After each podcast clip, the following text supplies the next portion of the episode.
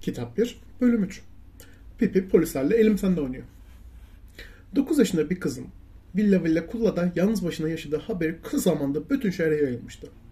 Şehrin teyze ve amcaları bunu hiç doğru bulmuyorlardı.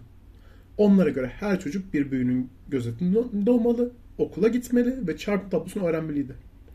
İşte bu yüzden teyze ve amcalar Villa Villa Kulla'da yaşayan küçük kızın derhal bir çocuk yurduna yerleştirilmesine karar verdiler. Güzel bir öğle sonrası Pipi, Tom ile Annika'yı kahve içip zencefil kurabiye yemeye davet etmişti. Verandanın merdivenlerini donatmış, güneş parlıyor, bahçedeki çiçekler nefis kokular yayılıyordu. Bay Nilsson verandanın koltuklarına çıkıp çıkıp iniyordu.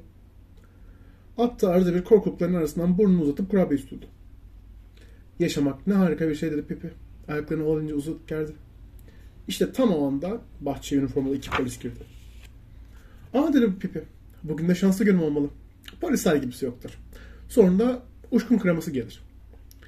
Yerinden kalkıp mutluluktan ışıldayan bir yüzle polisleri karşıladı. Villa villa kullaya taşınan küçük kız bu mu? diye soru polislerden biri diğerine. Yo dedi Pepe. Bu gördüğünüz şehrin öteki ucundaki bir evin üçüncü katında yaşayan bir teyzecik. Pipi'nin canı yalnızca biraz şakalaşmak istemişti. Ama polisler şaka kaldıracak tiplere benzemiyorlardı.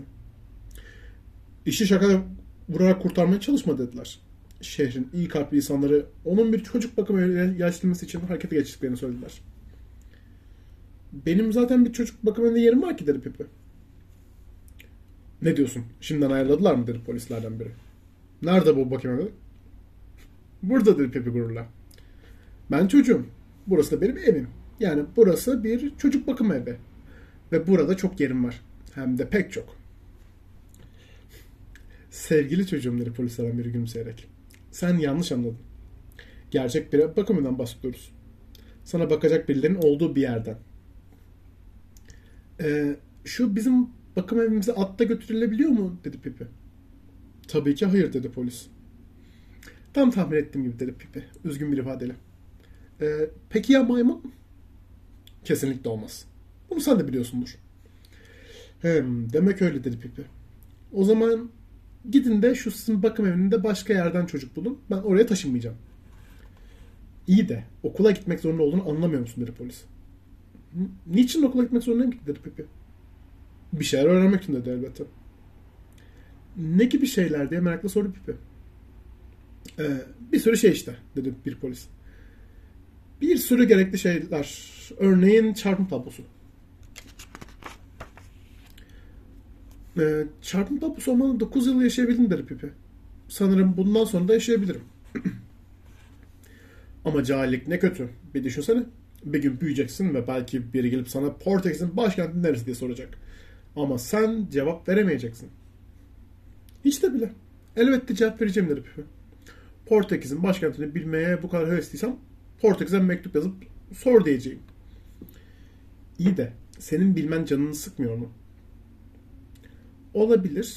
Belki bazı akşamlar şu Portekiz'in başkentinin adı neydi ya diye merak etmeden gözüm uyku tutmayacak. Ama ne yapalım? Her zaman da neşeli olmaz ki dedi Pipi.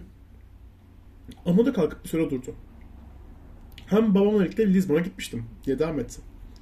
Başı aşağı dururken de konuşabiliyordu. Polislerden biri canının istediğini yapamayacağını söyledi Pipi'ye. İstese de istemese de çocuk bakım evine gidecekti. Gidip koluna yapıştı. Ama Pipi bir silkinçte kurtardı kolunu. Polise hafifçe dokunup elim sende dedi. Oradan oraya atlayarak verandanın üzerindeki balkona çıktı. Polisler aynı yoldan balkona çıkmaya hiç heves değillerdi. Hemen eve girerek üst kata çıktılar. Ama polisler balkona adım attıklarında Pipi çatıyı yarılamıştı bile. Sanki bir maymunmuş gibi kiremitlerin üzerine kolayca tırmandı. Çok geçmeden çatının sırtındaydı. Oradan bir sıçraysa bacağın üzerine çıktı. Balkondaki polisler saçlarına başlarını yolarken Tom ve Anika bahçeden olan biteni seyrediyordu. Elim sende ne de güzel bir oyun değil mi diye bağırdı Pipi. Ne iyi ettiniz de geldiniz. Bugün şanslı günündeyim. Bu çok açık. Polisler bir süre süre düşündükten sonra çatıya kadar uzanan bir merdiven bulup evin yan duvarını dayadılar. Pipi'yi tutup indirmek için önce biri sonra diğeri çatıya tırmandı. Çatının sırtına çıktıklarında biraz korkuyor gibiydiler. Dengelerini korumaya çalışarak Pipi'ye doğru yürümeye başladılar. Korkmayın diye bağırdı Pipi. Tehlikeli değil. Çok eğlenceli. Polisler arasındaki iki adım kaldığında bir sıçrayışta bacanın Pipi çığlıklar ve kahkahalar arasında çatının bir tarafından diğer tarafına koştu. Evin birkaç metre ilerisinde bir ağaç vardı. Şimdi dalıyorum diye bağıran Pipi ağacın yeşil yapraklarının arasına uçtu. Bir dalı tutup ileri geri sallandıktan sonra yer atladı. Ve evin diğer tarafına koşup polislerin duvarı dayadığı merdiveni aldı. Pipi'yi evlerinden kaçıran polisler şaşırmış ve hayal kırıklığına uğramışlardı. Ama çatının sırtında cambazlık yaparak gerisin geri gidip merdiveni yerine, yerinde bulamadıklarında şaşkınlıkları daha da arttı. Önce öfkeden küplere bindiler. Aşağıdan onları seven Pipi'ye bağırarak merdiveni hemen yerine koymasını emrettiler. Yoksa külahları değişeceklerdi. Niçin bu kadar öfkelisiniz diye sistemle karşılık verdi Pipi. Şunun şurasında elim sende oynuyoruz. Herhalde arkadaşız değil mi? Polisler bir süre düşündüler. Sonra içlerinden biri biraz mahcup bir ifadeyle. Şey baksana dedi. Lütfedip merdiveni yerine koysan da aşağı insek diyorum. Elbette dedi. Merdiveni hemen duvara dayadı. Hadi elinde kahve içip biraz hoşça vakit geçirelim. Ama polisler hiç güvenilmiyordu doğrusu. Daha ayaklarını yere basar basmaz bağırarak Pipi'nin üzerine atıldılar.